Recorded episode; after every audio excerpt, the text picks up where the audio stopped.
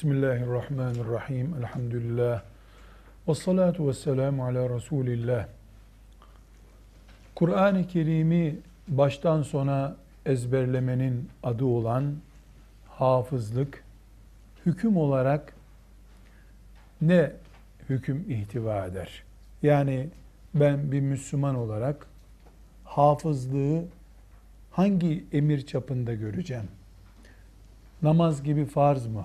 Misvak gibi sünnet mi? Veya sağ omuzuna yatmak gibi müstehap mı? Hafızlık nedir? Ya da bir Müslüman olarak benim iman ettiğim kitap olan Kur'an-ı Kerim'den ne kadar ezberlemem gerekiyor? Bu sorulara cevap vermemiz lazım. Ümmeti Muhammed olarak Kur'an ezberleme kültürünü ashab-ı kiramdan devralınan bu mirası devam ettirmek farzdır. Ümmet çapında farzdır. Farzlar da bildiğiniz gibi ikiye ayrılırlar. Farz-ı ayn vardır, farz kifaye vardır. Farz-ı ayn demek herkes kendisi bunu yapmak zorunda.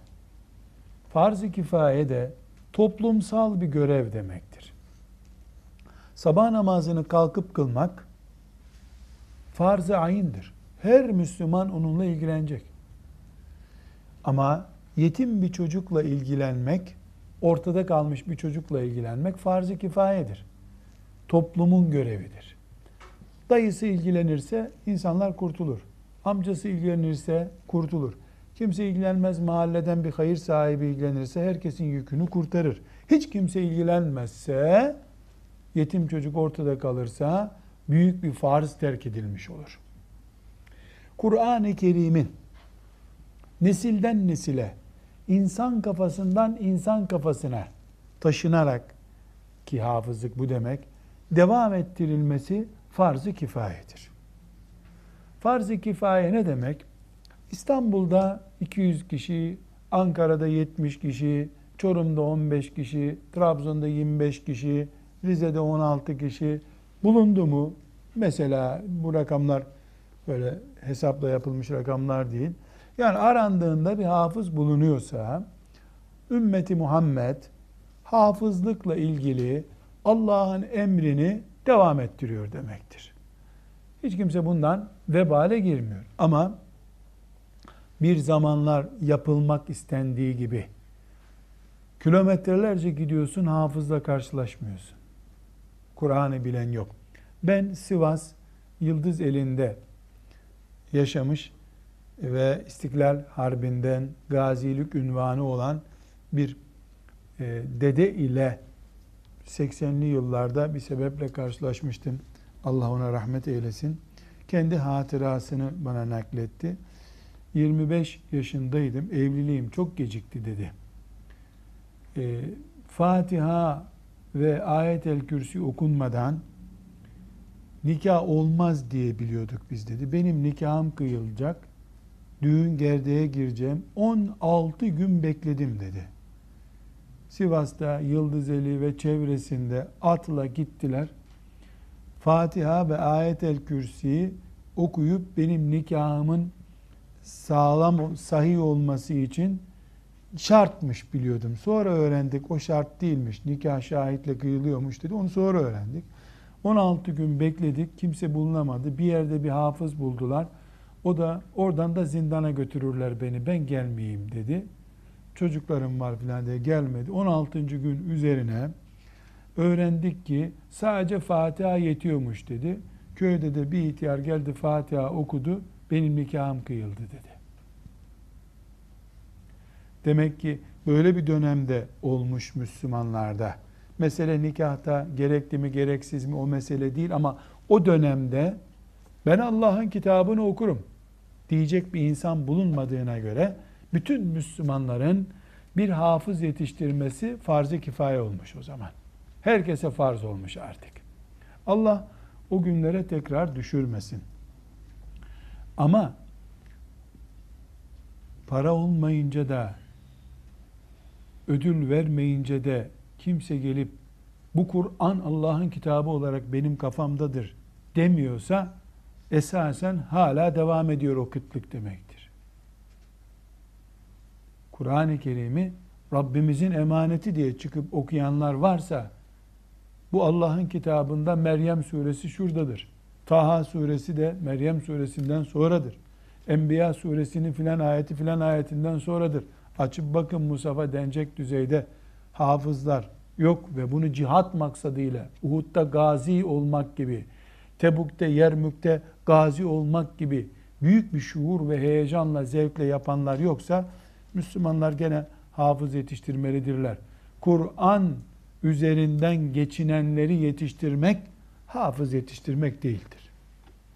Onlar Kur'an üzerinden geçinecekleri iş bulmuşlardır. Halbuki Kur'an uğrunda canlar verecek, sevdaya ve aşka tutulmuş yürekliler ister. Kur'an Übey ibn Kâb'ler ister. Kur'an Ebu Musa el-Eş'ariler ister ki okumaya başladığında peygamberin gözü bile sulansın.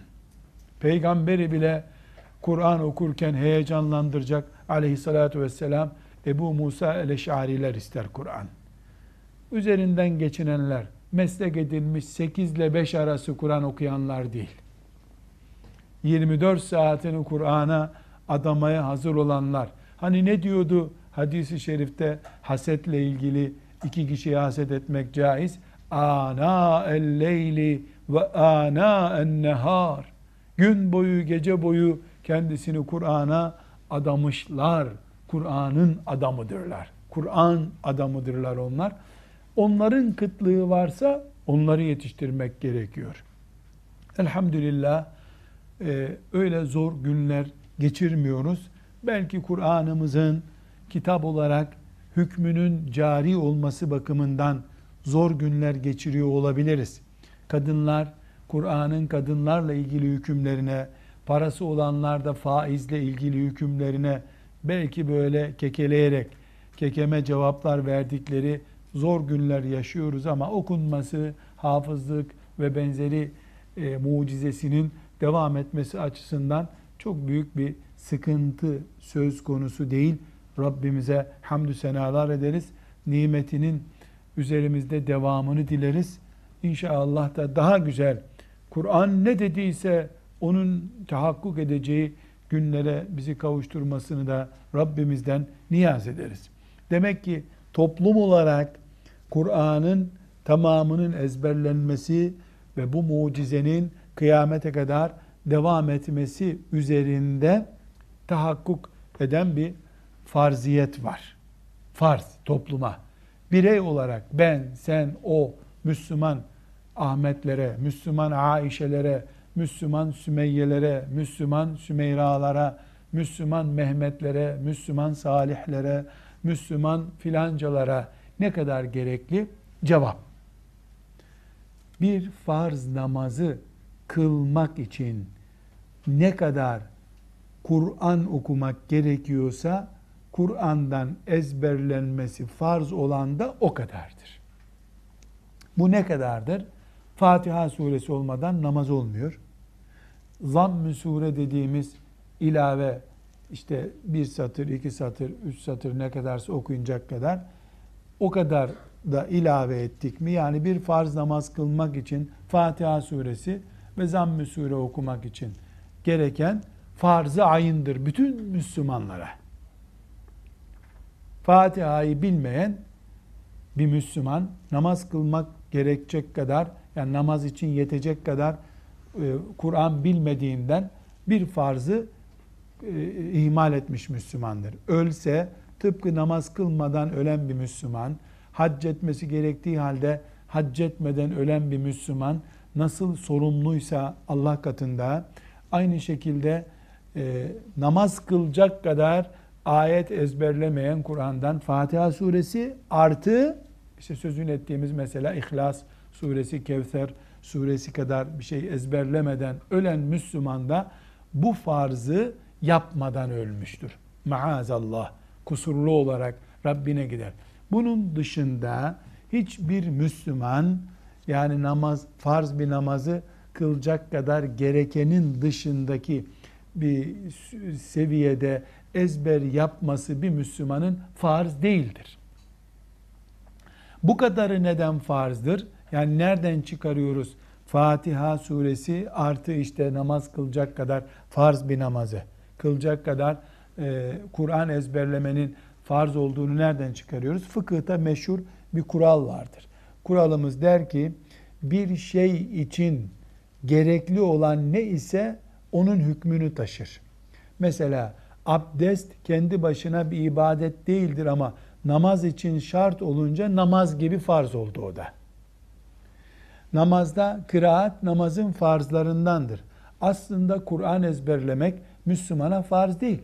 Ama namazda kılacak kadar okumak farzdır. Neden? Öbür türlü namaz kılamıyorsun çünkü. Tıpkı abdestsiz namaz kılamadığın için.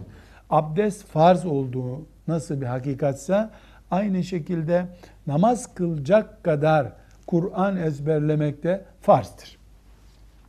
Demek ki Müslümanların Kur'an'ı ezberlemeleriyle ilgili kural nedir?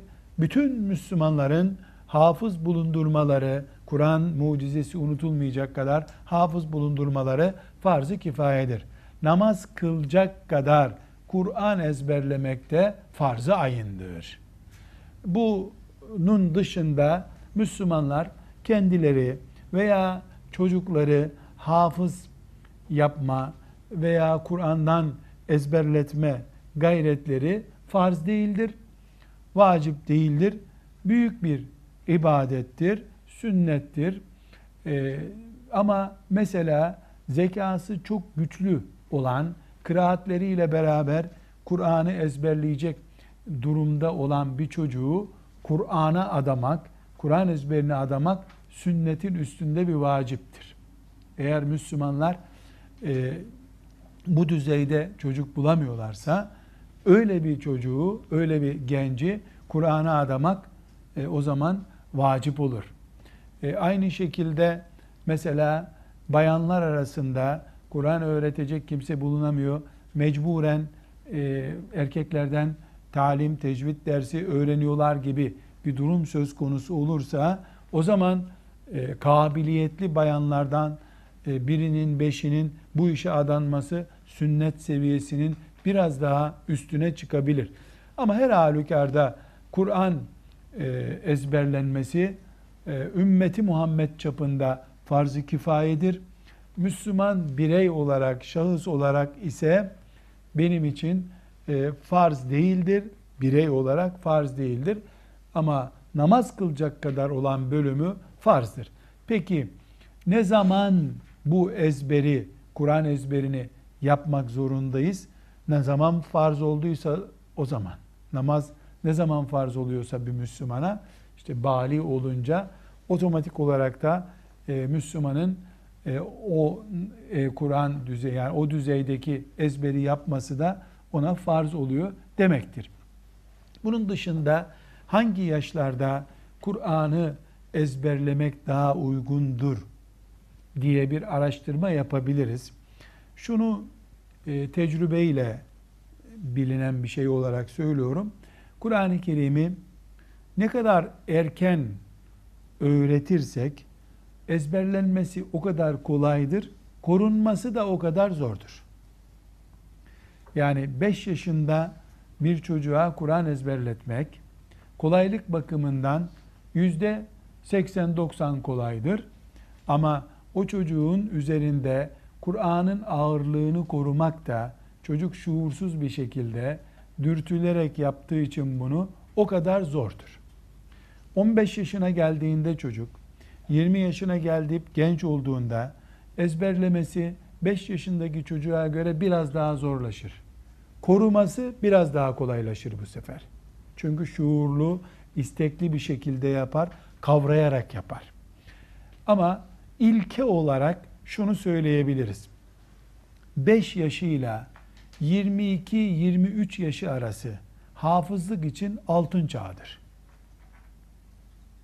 5 ile 22-23 yaşı arası 23'ten sonra evlilik yoğun bir şekilde ihtiyaç olarak bastıracağından beyin 18 yaşında, 16 yaşında, 14 yaşındaki gibi, 8 yaşındaki gibi beyin kendisini Kur'an'a vermekte zorlanır.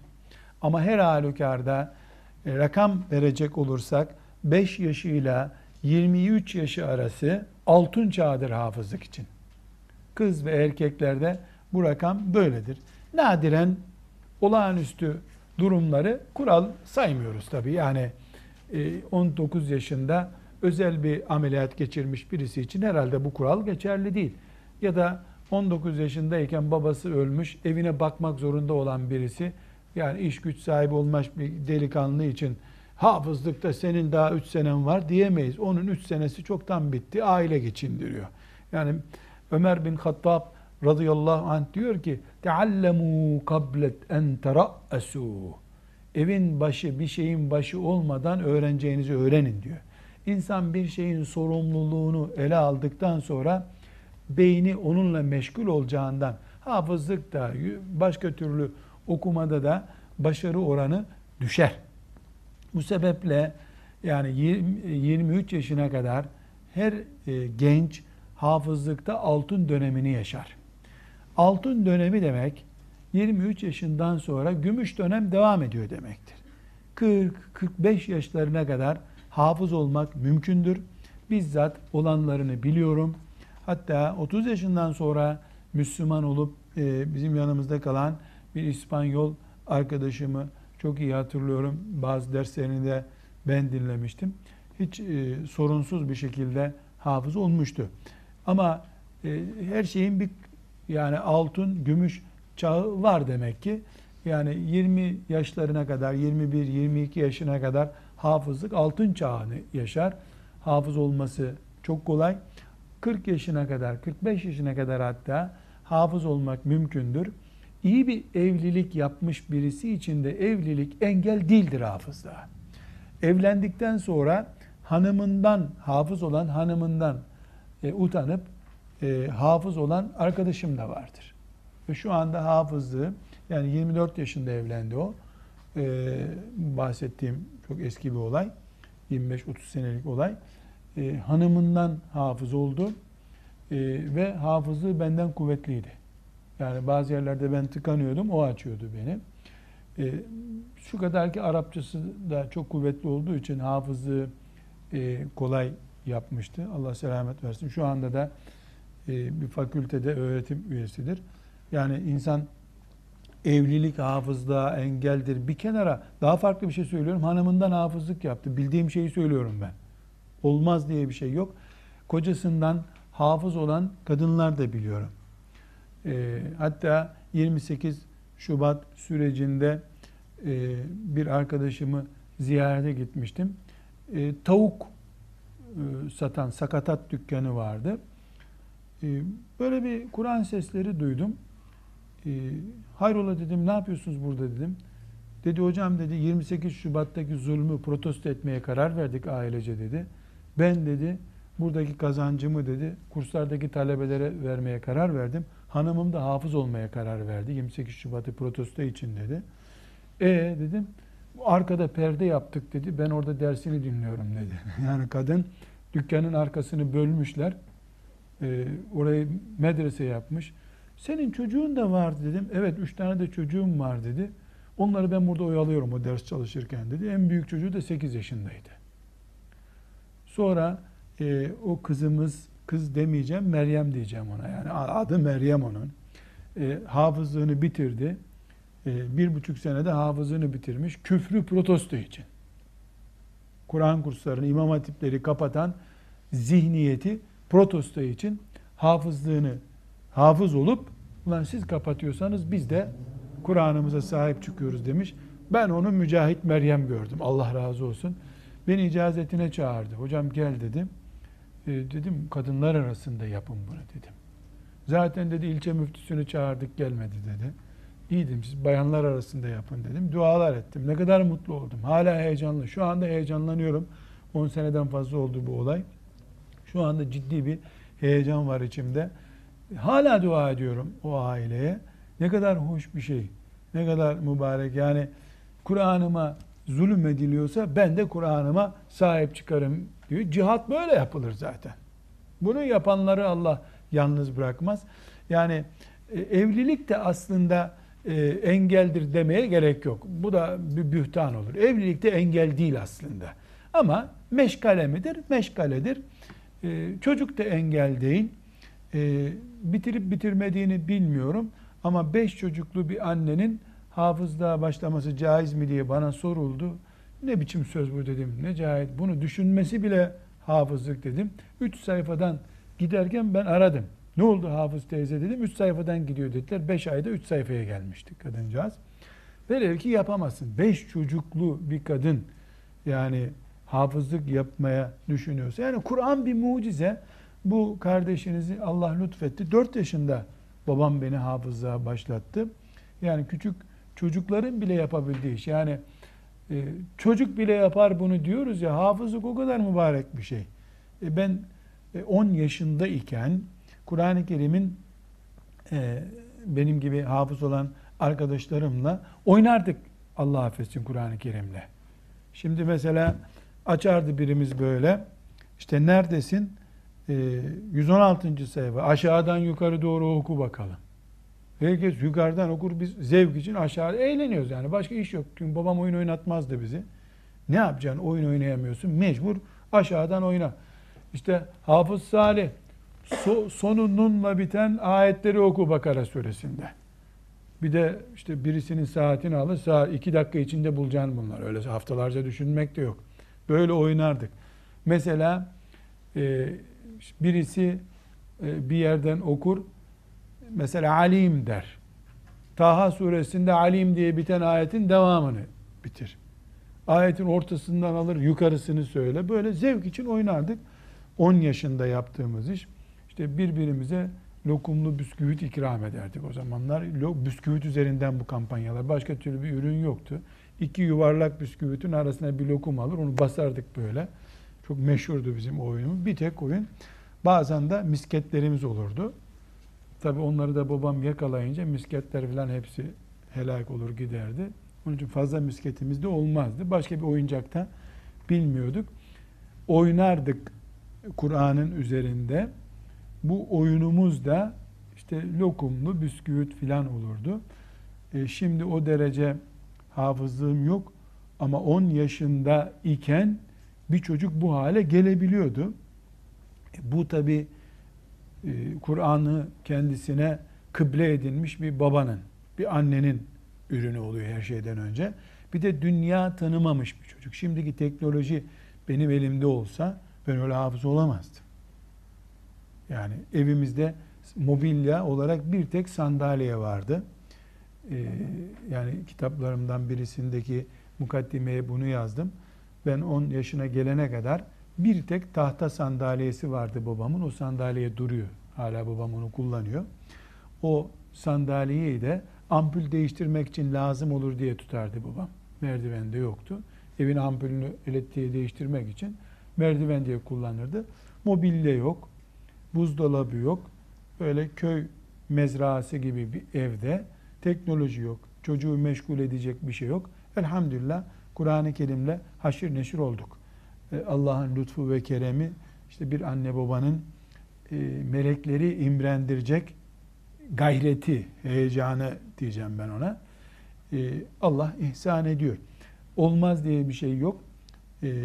Fakat bu küçük çocukların hafızlığı meselesinde e, anneleri, babaları ikaz etmem gerekiyor. E, şimdi bana 4-5 yaşında çocuklar getiriyorlar. Bakıyorum dinamit gibi zeka var çocukta. Yani salsan bir haftada Kur'an'ı devirecek, ezberleyecek. Fakat ikaz ediyorum. Anneler, babalar e, bu işi üstlenen bilhassa e, küçük çocukların işte kreş, anne okulu mu deniyor şimdi o, o işi yapan Müslüman hanımefendiler bilhassa o işi yapıyorlar. Çok zeki çocuk bulunca hafız yapalım bunu hemen. Anne baba da aman Allah'ım okul, okul başlamadan hafız yaptır canım kurban sana diyor. Bu muhteşem bir şey. Fakat bir örnek vereceğim. Hacı efendiler hacca giderken ben onlara diyorum ki bak güzel kardeşim şu Mekke'ye gidiyorsun ya burada seninle bir şeytan ilgileniyor muydu? O seninle daha ilgilenmeyecek. Mekke'de durduğun sürece sana daha uzman profesyonel bir şeytan gelecek. Burada 3 yaptığın günaha 20 yapacaksın orada hazır ol. Zannetme Mekke günahsızlık yeridir. Mekke günahın ağırının işlendiği bir yerdir. Çünkü ömen yuridi fihi bi bi zulmin nuzikhu min azabin elim. Burada Allah günah işleyene günah yazıyor. Orada ömen yuridi fihi bi ilhadin. Kim orada günah tasarlarsa bir ilhat, berbatlık tasarlarsa elim bir azap getiririz ona. Mekke'de günahı tasarlamak suç. İstanbul'da işlemek, orada tasarlamak suç. Binaenaleyh hacı efendilere dikkat et. Orada çok daha büyük şeytanlar var. Taşladın maçladın kafası yarıldı. Yaralı domuz nasıl geri gelirse öyle geri gelir şeytan diye ikaz ediyorum. Bu e, Hacı Efendi'ye bu sözüm benim. Aman dikkat et gaflet içinde olma diye hatırlatmak için. Çünkü ah be Mekke'de elhamdülillah ya Rab buraya da kavuşturdun ya bizi getir kolayı. Kolayı görürsün kola nasıl içiliyor Mekke'de. Bu 3 yaşında, 4 yaşında, 5 yaşında zeki çocuklara hafızlık yaptırmak Mekke'de şeytanı taşlamak gibi bir şeydir. Olmaz demiyorum. 6 ayda hafız olur çocuk. Nazara dikkat et, hafız olur. Yani nazar ettirme çocuğu, gösterme ikide bir olur. Fakat o çocuk bıçak sırtındadır artık. Yani küçük yaşlarda çocuklar hafız oluyor. Buna bir itirazımız yok. Yani o, o çocuk değil artık canım. Zaten masum bali olmamış. Melek desem melekler bile onun nebatında değildirler belki de. Onun peşinde melekler bile yarışıyorlardır. Yani 8 yaşında, 7 yaşında bir çocuk hafız. Ben onu tarif edecek bir kelime bulamıyorum. O hafız melek bir defa. O insan değil o. Onu öpmek bile abdestsiz tutmak caiz değil üstüne. Ama o çocuktan iyi bir sokak serserisi olabilir. Herkes hazır olsun. Böyle bir çocuğu koruyup koruyamayacağına dikkat etmeli aile. Gerekiyorsa Güney Afrika'ya hicret edecek aile o çocuğu korumak için. Gerekiyorsa televizyonun, arkadaşın, hiçbir şeyin bulunmadığı Ağrı Dağı'nın zirvesinde bir barakada yaşayacaklar. Ama sen tam aksine bu çocuk çok iyi hafız diye yarım hafız olunca cep telefonu, biraz daha ezberleyince bilgisayarı, şu mu çocuğu hafız oldukça tabi haklı olarak anne baba ne alayım bu çocuğa? Ne istiyorsun yavrum? Benden ne istese böyle bir çocuk alırım. Canım dahil ne isterse. Böyle bir çocuğa acınır mı? Bilgisayar nedir ya? Ama aldığın her şey bu bir tuzak. Çocuğa tuzak. Almasan e, çocuk kayıyor. Alınca hafızlıktan sonra çocuk şöyle bir gerilecek ve o gerilmeyle beraber yüzde elli bir değil kalma ihtimali. Bunu böyle söyleyince de bazı veliler üzülüyorlar. Ya çok seni heyecanlı bir hoca zannetmiştik diyorlar. Sanki ben bir Kur'an düşmanlığı yapmışım gibi. Hassasiyetini anlayamıyor. Çok ciddi bir yatırımdır. Yani çocuk 4 yaşında, 5 yaşında, 6 yaşında, 12 yaşından önce bir çocuğun hafızlık kızağına alınması muhteşem bir yatırımdır. 10 yaşında belki biraz olabilir. Ama 9 yaşından aşağıdaki çocuklar için büyük bir yatırım bu. Büyük bir risk. Bu riski anne baba ne kadar koruyacaklar? E biz çok dua edeceğiz. Şeytan da çok dua ediyor eline düşsün diye. O çocuk işte bu tip çocukları daha sonra Müslümanlar piyasada göremiyorlar pek. Bu tıpkı bir yerde daha ben size bunu örnek vereyim. Türkiye üniversite imtihanlarına hazırlanıp büyük derecelerle girenler sonra ne oluyorlar? Nasrettin Hoca'nın dediği gibi kırpıp kırpıp o eski aylardan yıldız mı yapıyorlar? Nerede o çocuklar? Bütün potansiyeli çocuğun bir üniversite imtihanına yatırıldığı için Türkiye'nin ilk 20'sine giriyor çocuk. Üniversitede selamun aleyküm. Fol yok yumurta yok bir daha. Hafızlığı da küçükken yaptırdığı maya Bu tip dikkat etmek lazım. İyi bir hoca, bunun şuurunda bir hoca, bu işin tehlikesini bilen bir hocayla hafızlık yaptırılabilir. Anne baba sonrasına dikkat edecek. Velhamdülillahi Rabbil Alemin.